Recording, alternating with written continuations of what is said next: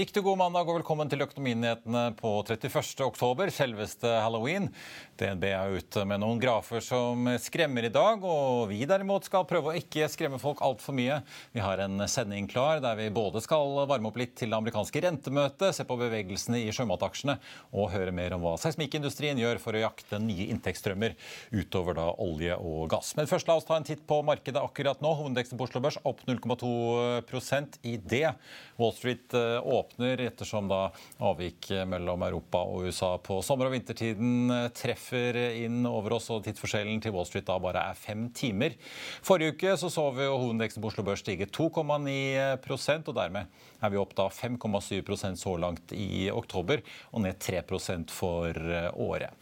Apropos Street, Dow Jones er jo på vei til å ha sin beste oktobermåned noensinne. Opp 12% så langt eh, i oktober. Ned da 9,6 eh, siden eh, nyttår. Nasdaq endte jo i en voldsom opptur på fredag, med, eller Wall Street får jeg si, med Nasdaq opp 2,9% etterfulgt av Dow Jones 2,6 i pluss og SMP 500 som endte opp 2,5% Futuresene på Wall Street pekte mot en nedgang for noen få minutter siden.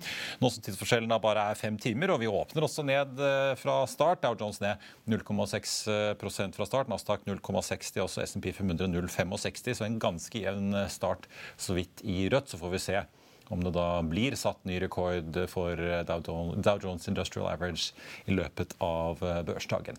Oljeprisen den tikker nedover i dag. Nordsjøoljen er ned et drøye 2% til 92 dollar og 10 cent fatet. Den amerikanske lettoljen ned 2,5% til 86,10. Så får vi ta for oss noen av nyhetene som preger aksjene her eh, hjemme. Mister Skipsted himself, holdt jeg på å si, Rolf Erik Ryssdal sørger for å sende Sikri-aksjen opp eh, over 7 i dag. Det kom nemlig frem i en børsmelding at eh, valgkomiteen har da nominert den tidligere konsernsjefen i Skipsted og Adevinta til å bli styreleder i teknologiselskapet. Og Ryssdal kjøper også aksjer i Sikri Holding for 10 millioner kroner. Han har for øvrig også bladd opp for å kjøpe aksjer i Orkla. En annen aksje som tikker oppover i dag, er Arctic Bioscience. De har doblet inntektene i tredje kvartal, og den aksjen stiger nesten 6,5 Subsea Seven ute med en melding om at de har fått en betydelig kontrakt i Asia, hvor arbeidet starter umiddelbart, og det er planlagt offshoreaktivitet på kontrakten da i sesongen 2024-2025. Selskapet har jo da en kategorisering som gjør at en betydelig kontrakt utgjør da mellom 50 og 150 millioner dollar. Den aksjen er ned 2,2 i dag. Og så er det jo da eh, LNG-selskapet Cool Company. De har annonsert at de nå har eh, vedtatt en variabel utbyttepolitikk, der de da skal dele ut selskapets frie kontantstrøm på kvartalsbasis. Det første utbyttet er ventet for fjerde kvartal, med da utbetaling i første kvartal 2023. Den aksjen er opp eh, litt over 5 i dag, og dermed er den opp 53% de siste seks månedene. En aksje som sliter litt mer i dag, er Aker BP. Den går jo da eksklusiv utbytte på 52,5 dollar cent per aksje. Aker BP økte utbyttet sitt med 11% i sommer. Lot det ligge stabilt nå i eh, forbindelse med Q3-rapporteringen. Men aksjen den er ned da 12,4 kroner i dag, eller 3,7% altså mer enn verdien av utbyttet som er på vei. Et av selskap som er ute med tall i dag, er Wow Green Metals. Den aksjen er opp 3,5% etter tallslippet. La oss i Finansavisen hjelpe deg med å holde deg oppdatert på alt som skjer i finans og næringsliv. Hver morgen er jeg, Marius Lorentzen, og aksjekommentator Karl Johan Målnes på plass i studio for å ta tempen på dagens marked i Børsmorgen. På ettermiddagen oppsummerer vi alt du trenger å vite i økonominyhetene, og så får vi selvfølgelig besøk av masse interessante gjester. Du finner oss på fa.no-tv, eller ved å søke opp Børsmorgen og Økonominyhetene der du hører på podkast.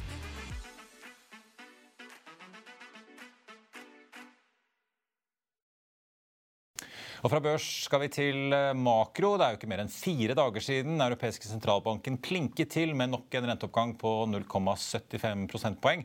Og I dag kom det nye tall på bordet som viser at prispresset i eurosonen på ingen måte er over. Eurostat er ute med et estimat for prisveksten i oktober måned i eurosonen som viser 10,7 mot samme periode i fjor. Det er nesten et halvt prosentpoeng høyere enn det som var ventet, ifølge konsensustall fra Bloomberg. Og det er særlig energi- og matprisene som stiger kraftig i eurosonen. Prisveksten i eurosonen er tikket oppover fra 9,1% i august til 9,9 i september, og nå altså godt over 10% i oktober. Samtidig så viser Eurostat-tall at eh, det var en BNP-vekst i eurosonen på 2,1 eh, på årsbasis da i eh, forrige periode. Og dette leder oss jo elegant over til neste punkt på agendaen, for alle går jo og venter på rentemøtet i USA onsdag kveld, der rentebeslutningen altså er ventet klokken 19 norsk tid, og ikke klokken 20 som vanlig. Og eh, får vi si, Forventningen er jo da en trippelheving der også, på 0,75. Bloomberg har eh, tatt en prat med tidligere finansminister i USA, Lawrence Summers, som ikke mener det er noe makrotall som tilsier noen oppmykning i signalene fra sentralbanken ennå. Tvert imot, han håper de nå holder stø kurs for å få ned inflasjonen. Bare se her. Larry Summers, yep. uh, our very special contributor on Wall Street Week, tell us about what you're looking at this week. I suspect it might have to do with the Federal Reserve. It's a big meeting. I don't think anybody's going to be very surprised when they do 75 basis points, and that certainly would be what I would expect. I think people are going to be watching uh, very carefully for the signals uh, coming out of uh, this meeting with respect to the next meeting and uh, beyond.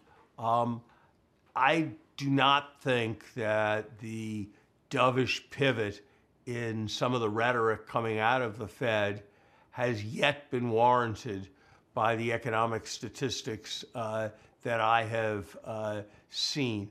So I hope the Fed will be clear that it is staying the course on doing what's necessary until uh, we see very clear signs of inflation uh, coming down. But we'll have to see how uh, they assess things.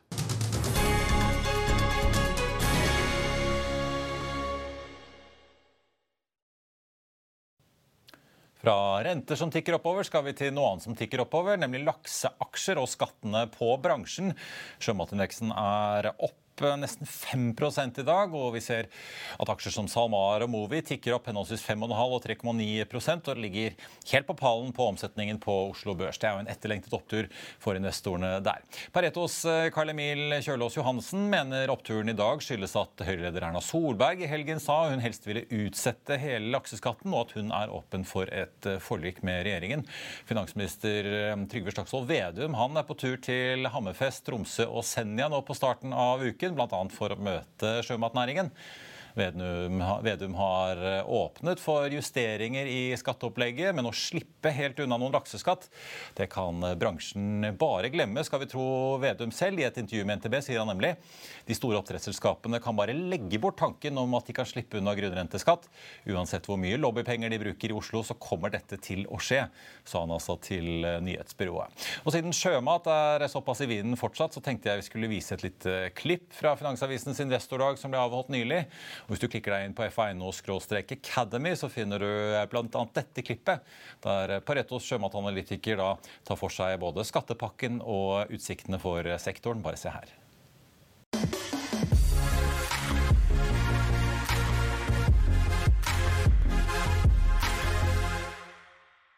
Takk for det, og takk for invitasjonen.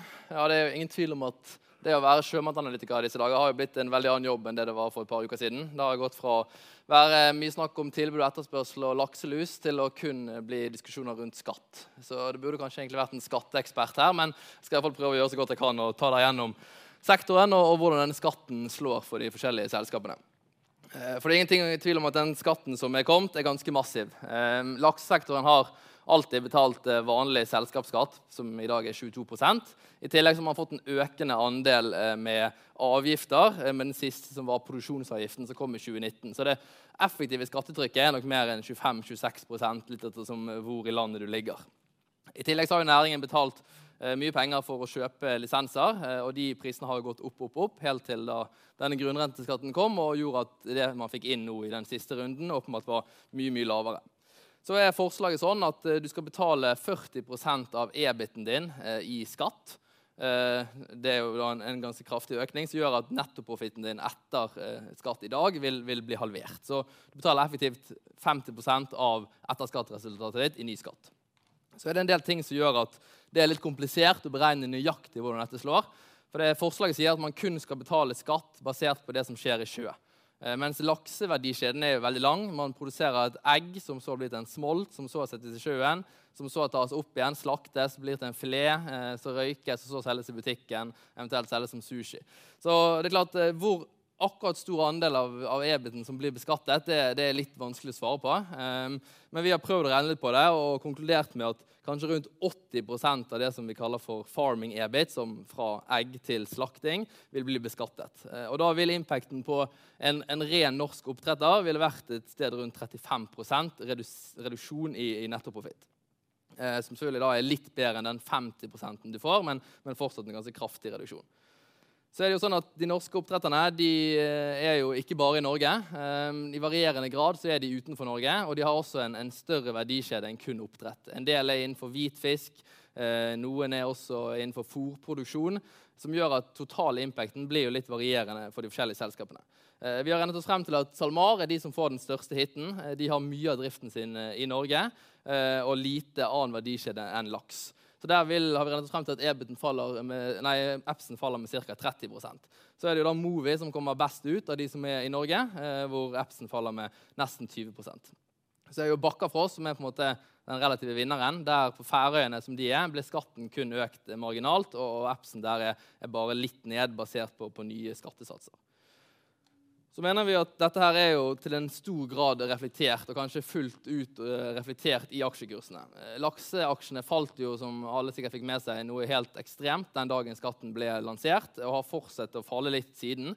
Eh, og de fleste aksjene er jo ned et sted mellom 20 og 40% siden skatten kom.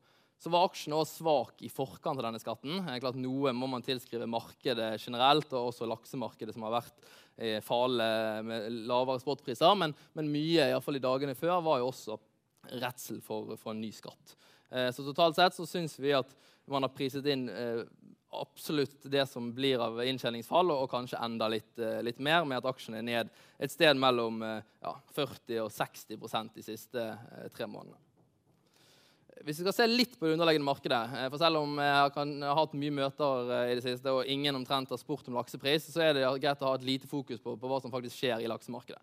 Eh, og Der er det egentlig en veldig positiv stemning. Lakseprisen har jo gått til nye rekorder i år. Og prisen har stabilisert seg på et sted litt over 7 euro. over I snittprisen i år blir nok over 80 kroner. Um, vi forventer jo at prisene holder seg på et veldig høyt nivå de neste par årene. Tilbudssiden, som alltid har vært det viktigste for å estimere lakseprisen, ser veldig begrenset ut. Det er lite vekst uh, i Norge. Eh, litt vekst fra nye lisenser, men, men en begrenset uh, volumvekst. Pluss at Chile, som er det nest største laksemarkedet, kommer til å ha en veldig lav vekst de neste par årene. Så vi tror at lakseprisene kommer til å holde seg på dette høye nivået som vi har sett så langt i år. Så hvis man prøver å se enda litt lenger inn i spåkulen og se hva som kan skje frem mot 2030, så synes jeg også der ser det ut til å bli begrenset med vekst. Eh, den største parten av veksten tror vi fortsatt vil komme fra vanlig oppdrett. Det er fortsatt noe vekstmuligheter i Norge med, med nye lisenser og en par andre områder.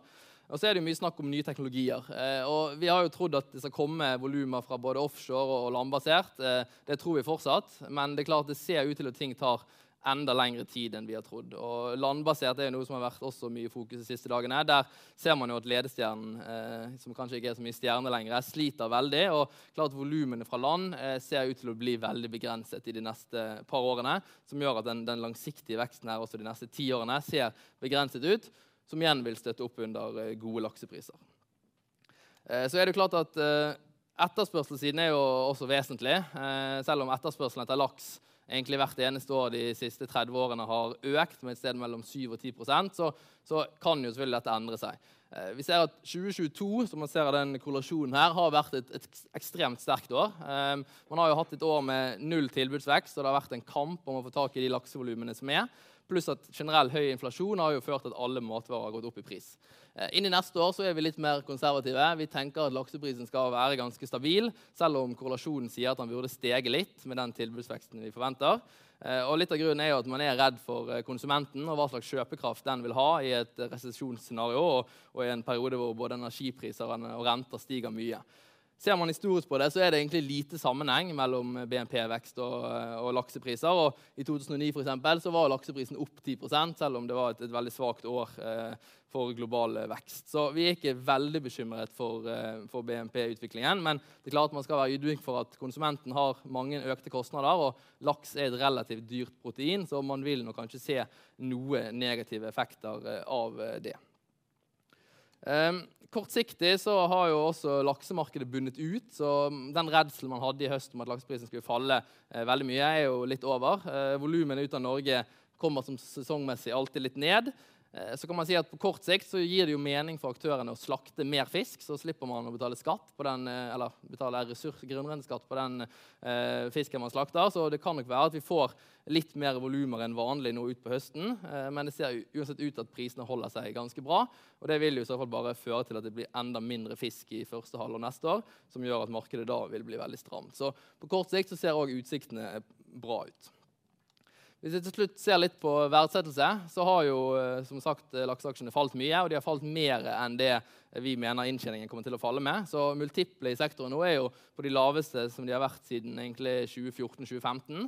Eh, sektoren handler i snitt på rundt eh, ti ganger neste års earnings, altså de nye earnings eh, etter skatt. Eh, som er et lavt nivå, og et for lavt nivå, nivå tror jeg, på litt lengre sikt. Det er klart Usikkerheten nå er stor. Eh, ingen vet helt hvordan denne skatten vil slå. Eh, det er investeringsstopp. Eh, det er også issues rundt kontraktspriser og hvordan det vil slå inn på inntjeningen. Men jeg tror hvis man har litt horisont her og ser 12-24 måneder frem i tid, så kommer disse aksjene til å handle på høyere multipler, og denne sektoren kommer til å stå høyere enn det han gjør i dag. Og Hvis vi også ser litt mot andre sektorer, som er jo ikke de beste pairsene, kanskje, men Ser man på andre sektorer, så har jo alt kommet ned. Multipler har kommet ned på alt, men laksesektoren handler nå på en rekordhøy rabatt til både eh, globale proteiner og også til eh, type merkevareselskaper og andre type retail-selskaper. Og denne rabatten er veldig mye større enn den har vært de siste årene, og, og for stor, mener jeg. Så konklusjonen vi mener man skal kjøpe lakseaksjer nå. Eh, vi syns de store, solide med lang verdikjede som Lerøy og Movi er de beste kjøpene. Eh, og så er det litt usikkerhet i SalMar grunnet et, et oppkjøp. Eh, det kan nok være et bra kjøp på sikt, men vi ville holdt oss til de med sterke balanser, som har muligheter til å tilpasse denne skatten på best mulig måte, og også har en del av driften sin utenfor Norge og i andre deler av sjømatnæringen. Så takk for meg.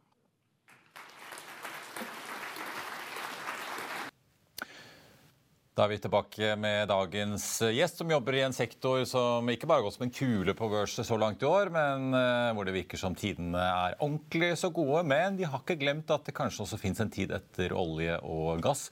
For vi har nemlig fått besøk av uh, Ivar Slengsol, som altså er direktør for nye energiløsninger i seismikkselskapet TGS. Velkommen. Tusen takk. Ivar, først kanskje vi skal begynne med det. Litt tabloid sagt så er jo TGS seismikkselskapet uten skip. Men uh, fortell oss litt mer ordentlig. Hvem er TGS? Ja, TGS er et 40 år gammelt selskap, eller 40 år i fjor. Uh, som har jobbet inn mot olje og gass og kartlegge havbunnen for uh, olje- og gassforekomster i hele den perioden. Og det skal vi fortsette å gjøre.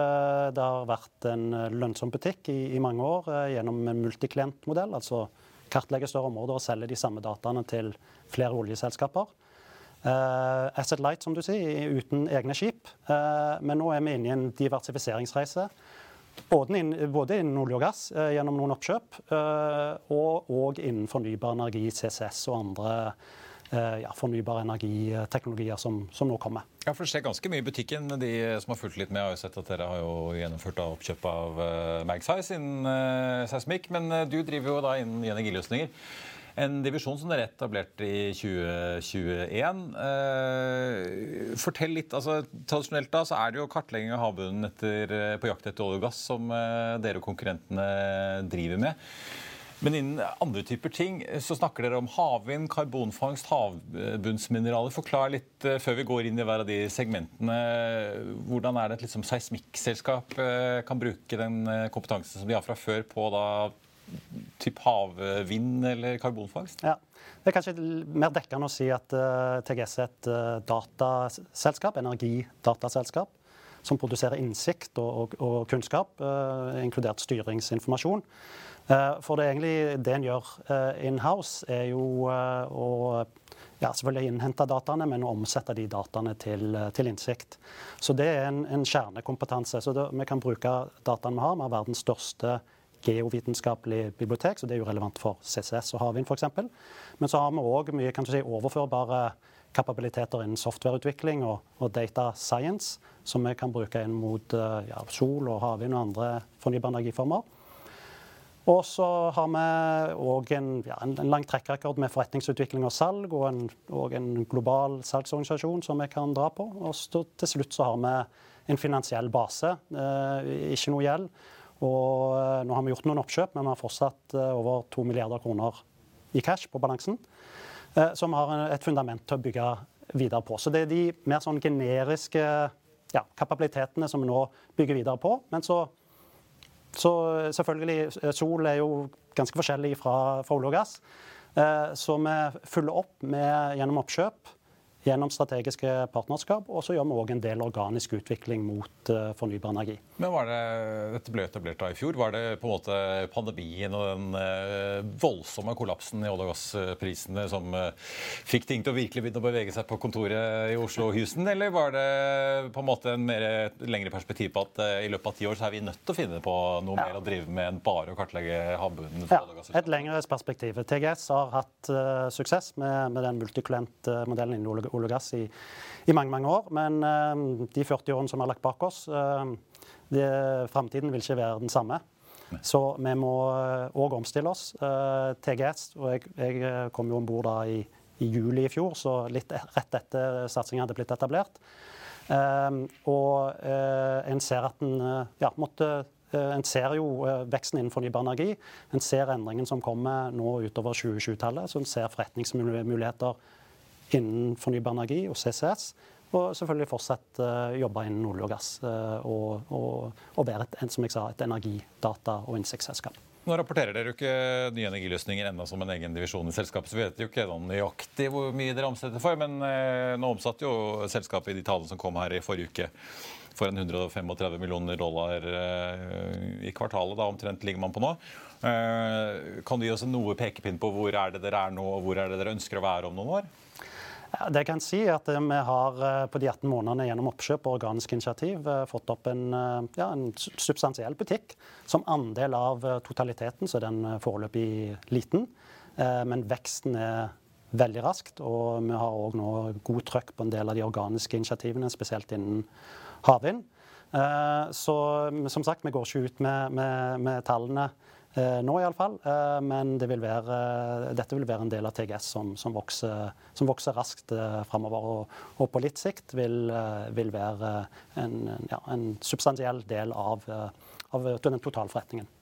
La oss snakke litt om hva de konkret gjør i disse forskjellige sektorene. Skal vi begynne med, med karbonfangst? Der kanskje antar jeg dere har noe å gjøre med all denne CO2 som skal lagres i reservoarer under havbunnen, og kartlegge om de egner seg, da? eller? Ja, det er riktig. Så en CCS så er det jo mest for oss mest fokus på lagringen, selvsagt. For der har vi jo eh, kompetanse, og vi har data. Så innen lagring så har vi det er da kartlegging eh, det ene, og det andre er monitorering. Ja, så Dere kan også da, si, selge, selge, fra biblioteket på nytt, da, bare til et annet ja, formål? Det, det, det, har vi gjort. Så vi kan selge de samme dataene og reprosessere de, de dataene vi har. Og så kan vi òg hente inn eh, data som du sa, som er i prosess med å kjøpe opp Magsize Fairfield. Og Magsize har bl.a. en teknologi for eh, ultrahøyoppløselig 3D-seismikk, som du kan kombinere med noder, som er veldig relevant inn mot CCS, for så vidt òg havvind. Så nå får vi òg kapabiliteter med den type si, ny, ny datainnhenting. Det er òg eh, relevant for eh, den type teknologi og relevant for monitorering. Og på monitorering, altså for å sørge for å eller sikre at det ikke er lekkasjer opp etter du har lagra CO2-en, så har vi òg et samarbeid med Halliburton på en alternativ monitoreringsteknologi, fiberoptikk, såkalt DAS VSP. Eh, så vi har ja, løsninger eh, ute i markedet nå både på eh, å kartlegge områder og på å monitorere. Og så gjør vi òg litt sånn, ja, kan, du, kan, du, si, litt større, kartlegge litt større områder og, og matche mulige lagringssites med utslippskilder. Vi har bl.a. kartlagt store deler av sørlige USA. Så det er en, en dataplattform. Du kan gå inn, ja, det er en webbasert dataplattform og da finne ulike potensielle CO2-lagringssteder hvis, ja, hvis, hvis, du har store utslipp. Dere kan ringe Equinor eller Shell eller de andre og si at uh, her er det plass til CO2 hvis dere vil lagre i Mexicogolfen? Ja. ja. Eh, litt kort sagt så, så bidrar vi der, ja. Eh, for dette er jo et stort marked, eller kommer jo i hvert fall, ser vi jo åpenbart i Nordsjøen, eh, hvor norske myndigheter har satt i gang et prosjekt. Vi ser jo nå at Wintershall DA også kaster seg på, har lyst til å lagre CO2 på norsk sokkel. Men er det USA som eh, offshore som kommer som det neste CCS-lagringsområdet, eller er det andre deler av verden utover Nordsjøen? som ja, Analysene på markedet framover de neste ti årene er at 80% av markedet vil være Nord-Europa og USA. Mm. Og, og, nå kommer USA som ei kule gjennom den nye lovgivningen. Eh, Inflation Production Act, ja. Så den setter skikkelig fart på, på markedet. Det ser vi allerede. Så, så, USA kommer nok til å være en driver. Men som du sa, det er stor aktivitet òg ja, i Nord-Europa spesielt. Norge, Danmark, eh, Storbritannia, Nederland. Eh, CCS er jo ikke en stor business ennå. Det er jo, eh, det er jo et område, en teknologi, som, ja, som var lovende for 15 år siden, og så har det gått litt sånn humpete og, og, egentlig en flat kurve. Men nå ser vi jo eh, at den vekstkurven snur opp. Det er 3-4 milliarder dollar som ble investert i CCS i fjor. Sammenlignet med fornybar på 500 milliarder dollar, så er jo det er jo lite. Men uh, vekstraten kommer til uh, å være veldig høy framover. Ja. Det er jeg helt sikker på. Så er det jo havbunnsmineraler, som jeg vet Oljedirektoratet også er veldig begeistret for på vegne av norsk sokkel. Der er det åpenbart kartlegging av hvor ting kan være. Men la oss snakke litt havvind. Eh, er det da alt fra liksom bunnforhold, hvis man skal ha bunnfaste vindmøller, til eh, hvordan vinden faktisk blåser i disse ulike områdene, som dere da ser på, eller? Ja. Altså Generelt så har vi en, eh, en strategi med å, å tilby markedsinnsikt og data og datadrevne løsninger, altså software, gjennom hele prosjektsyklusen. Altså gjennom prospektering og utvikling og planlegging av prosjektene, gjennom bygging til drift og vedlikehold. Så, så vi, en, eh, ja, vi, ser, vi, ser, gjennom hele prosjektsyklusen. Og på havvind, der vi har starta, er først gjennom oppkjøp av verdens ledende analyseselskap for havvind, Force Offshore, et britisk basert selskap, som vi kjøpte opp i mai i fjor. Eh, så det Force Offshore gjør, er å, å, eh, holde oversikten over alle prosjektene som er under utvikling globalt innen havvind, og hvem som leverer, og hvordan tidslinjen er. De holder òg en oversikt over Eh, forsyningskjedene. F.eks. For hvis du er en investor i installasjonsskip for eh, turbiner, så vil du gjerne vite hvordan prosjektene skrider framover i de ulike markedene. altså Hvilken etterspørsel du har. Så vil du vite hvor store turbinene kommer til å bli. Og så vil du vite hvem konkurrentene til uh, det selskapet du vil investere i. Så den type innsikt kan Forsea Offshore tilby, og, gjør det til mer enn 400 selskaper innen havvind. Eh, både utviklere, forsyningskjeden og finansbanker eh, osv. Så, videre. så det var den første steget. Så det var en veldig tidlig fase, Market Intelligence. Og så har vi utvikla løsninger organisk for kartlegging som du var inne på, av potensielle områder. Og det vi gjør det på eh, vind, er jo det klart det viktigste. Det er ressursen. Men òg for bunnforholdene. Så... Men, men, Møter dere som bransje, ikke bare TGS, men det er jo, dere er jo flere i bransjer, så det er ganske sånn norskdominert bransje blitt med PGS, og man har jo CG i Frankrike og, og Sharewater. men eh, Møter dere mange nye typer konkurrenter som eh, også kan konkurrere om å analysere vindforhold når dere skal inn i, i fornybar?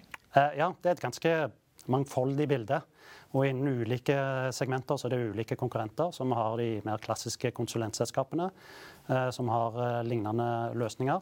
Eh, vi har mer spesialiserte up and coming startup, scaleups innen data analytics, altså å analysere store mengder data.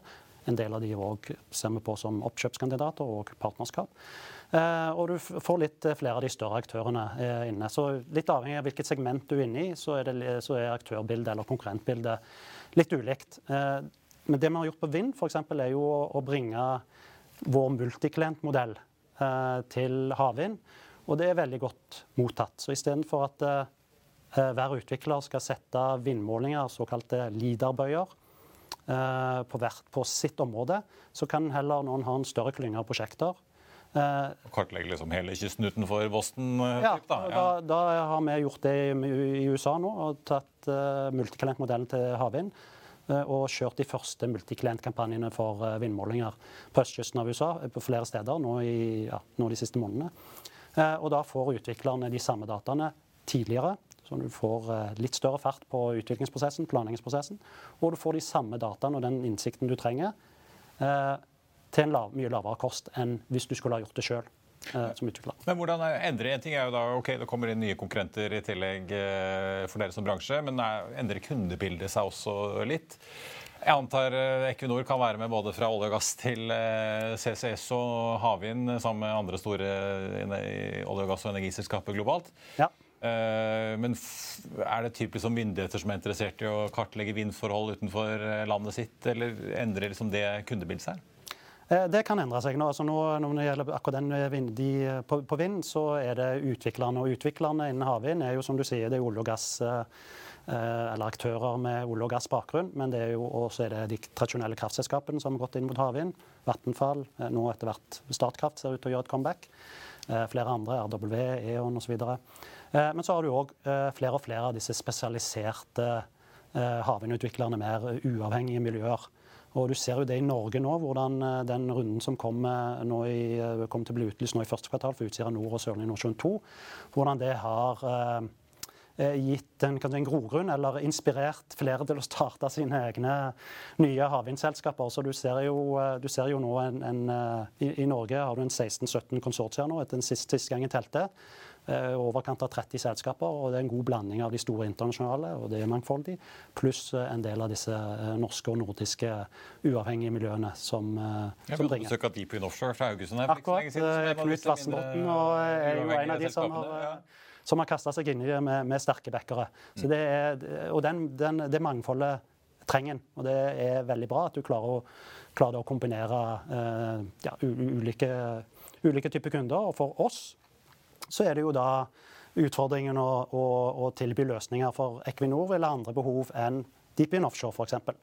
Eh, på, på den type datadrevne og softwareløsninger som vi tilbyr. Men Hva er liksom den røde tråden i denne satsingen for dere? For at, eh, Mye av dette er jo havrelatert, eh, hvor dere er godt kjent fra før. Men jeg ser jo at dere har også på en måte kommet dere litt sånn indirekte inn i solbransjen også gjennom oppkjøp. eh, men er det på en måte litt, litt tilfeldig, eller er det en bevisst eh, inntreden, det òg? Nei, det er en bevisst inntreden. Altså, sol er jo eh, den eh, teknologien, fornybarteknologien som er størst, og som vokste by far raskest. Altså, I år eh, så er anslagene for at eh, det blir 250 gigawatt installert globalt av ny solenergi. 250 gigawatt, og Det er opp fra 170 i fjor. Og det er til tross for ganske store problemer nå i forsyningskjeden, altså med å få materialer og kostnadene òg litt på vei opp eh, pga. den ja, makroøkonomiske situasjonen. Så, så sol er jo en enorm eh, mulighet, men det går tilbake til det jeg eh, begynte å si. altså De mer generiske kapabilitetene som, som TGS har. Det er ikke et, eh, ja, det er jo et SMIC-selskap, selvfølgelig, men det er enda mer et dataselskap og data og software og, og innsiktsselskap. Så den type kan si, generiske kapabiliteter tar vi og oversetter, men vi må jo selvfølgelig komplementere med det gjennom oppkjøp. Og Derfor kjøpte vi Prediktor, eh, som er et Fredrikstad-basert selskap, som bl.a. leverer software for å styre alle solparkene til Skatec og, og flere andre lignende aktører globalt innen sol, og, og kommer til å vokse raskt innen spesielt den type asset management-løsninger. Ivar, eh, til slutt jeg høre litt men Du har en lang fartstid i eksportkreditt før du nå har kommet deg tilbake i industrien. Eh, Du har jo over mange år fulgt på norsk leverandørindustris eh, evne og vilje til å finne nye ting å leve av utover olje og gass. Hvordan syns du det ser ut nå for dagen, hvis du løfter blikket litt utover bare seismikkbransjen? Det går jo så det griner, virker det som, på norsk sokkel.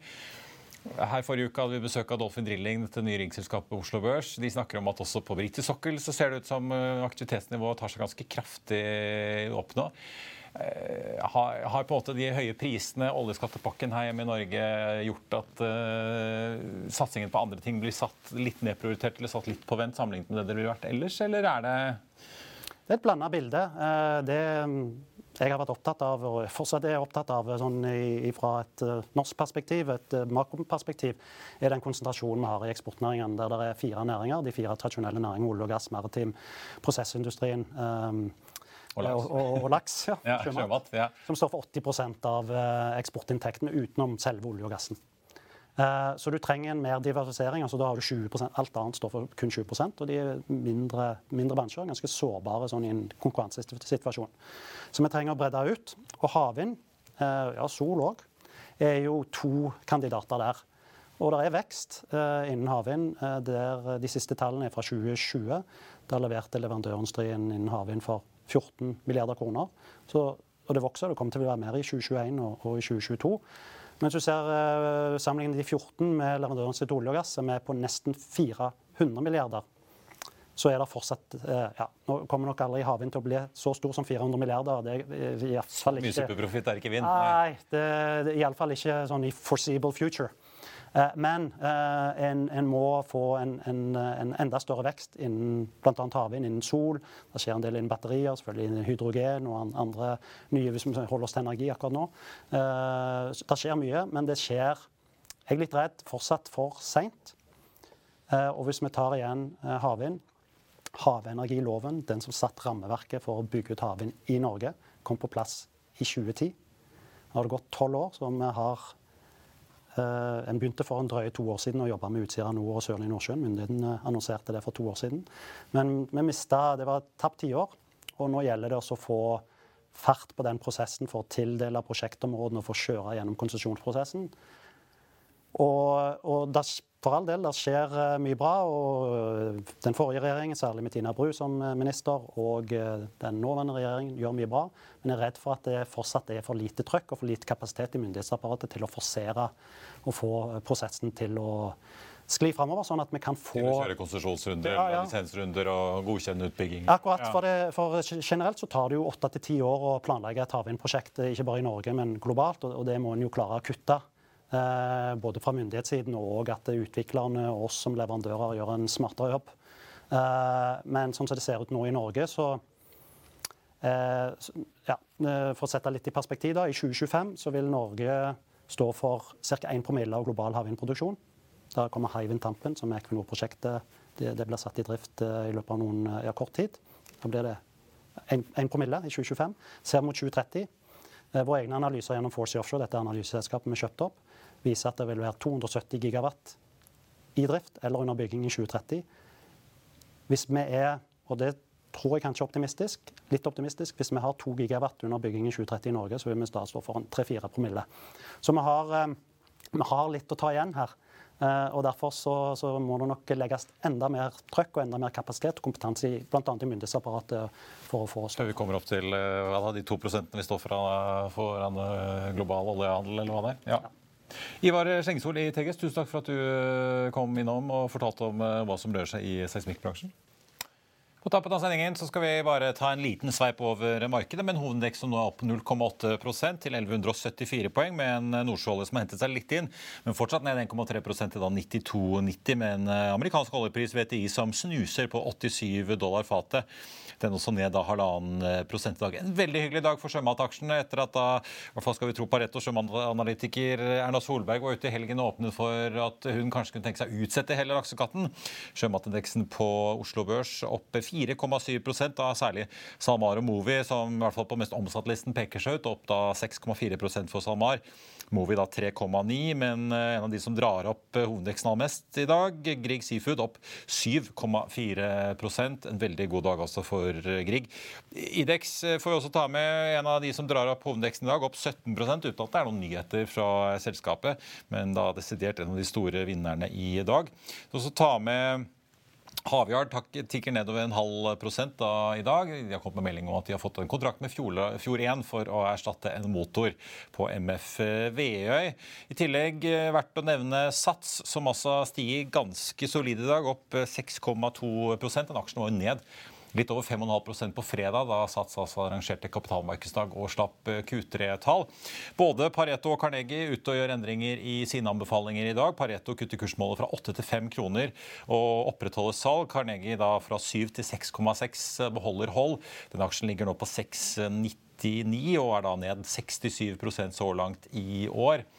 Eh, både inntektene og det justerte resultatet fra Sats lå under det Pareto hadde estimert, skriver eh, TDN. Og meglerhuset peker på at selv om det var da medlemsrekord, så leverer Sats da svakere inntjening per medlem. Og de rammes også da av høyere strømkostnader og også generelt eh, lavere forbruk hos forbrukerne om dagen. Sats har jo indikert at de har, i hvert fall mener selv at de har et potensial til å generere en EBITDA, altså et bruttodriftsresultat på treningssentrene sine på 800 millioner kroner i året. Per nå så ligger de da på 159, og Pareto mener at det er fullt mulig å nå det 800-tallet da med dagens medlemsmasse. Men da må jo selvfølgelig en god del eh, inntjeningsvekst per medlem eh, klinke til i tiden eh, fremover. Ellers så har det vært en god del endringer på bl.a. Kongsberg Gruppen, så kom et tall her på fredag. Et ordentlig rekordkvartal fra Kongsberg Gruppen med et rekordhøyt resultat og en saftig ordrebok på over 50 milliarder. Flere meglerhus jekker nå opp kursmålene sine til der hvor Nordeas Hans Erik Jacobsen var, på 400 kroner. Nå er da BG også på 400, opp fra 350. Nordea øker enda litt mer, fra 400 til 425. SEB opp fra 350 til 375. Den aksjen ligger nå på 374,60 og har jo da vært Eh, en av de store vinnerne på børsen så langt eh, i år. Så kommer jo Hexagon Purus med tall i morgen. Spin-offen fra Hexagon Composites, altså. DNB Markets tok nylig opp dekningen med en kjøpsanbefaling, kursmål 22. Den ligger på eh, nå 21 kroner, opp 3,5% så langt i dag. Også verdt å merke seg Jefferies, som har regnet litt på Storebrand. Tar opp dekning, kjøpsanbefaling, kursmål 89. Storebrand ligger og vaker rundt 80 kroner. 80 kroner og 60 nå, opp en snau prosent.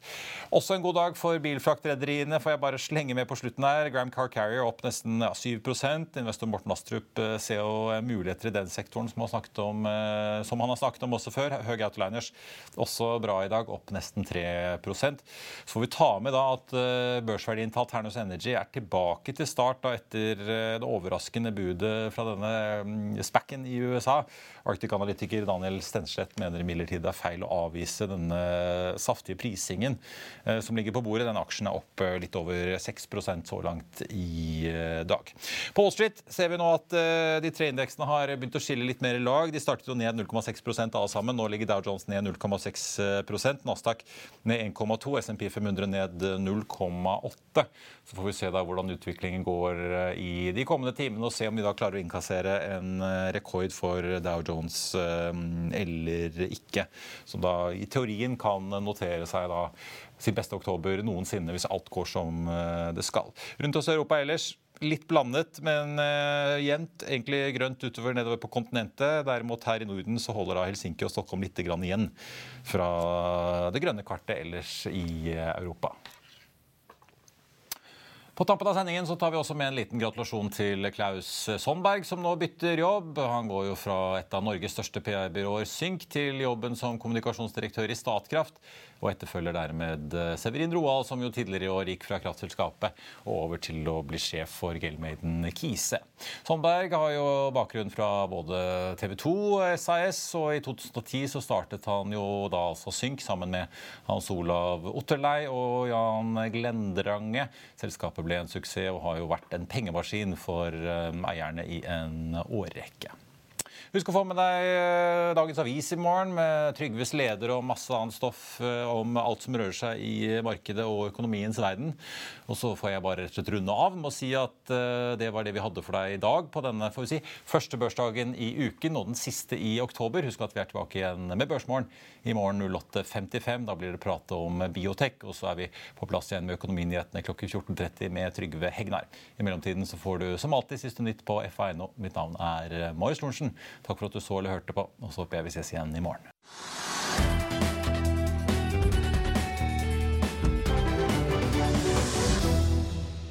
Økonominyhetene er en podkast fra Finansavisen. Programledere er Marius Lorentzen, Stein Ove Haugen og Benedikte Storm Bamvik. Produsenter er Lars Brenden Skram og Bashar Johar. Og ansvarlig redaktør er Trygve Hegnar.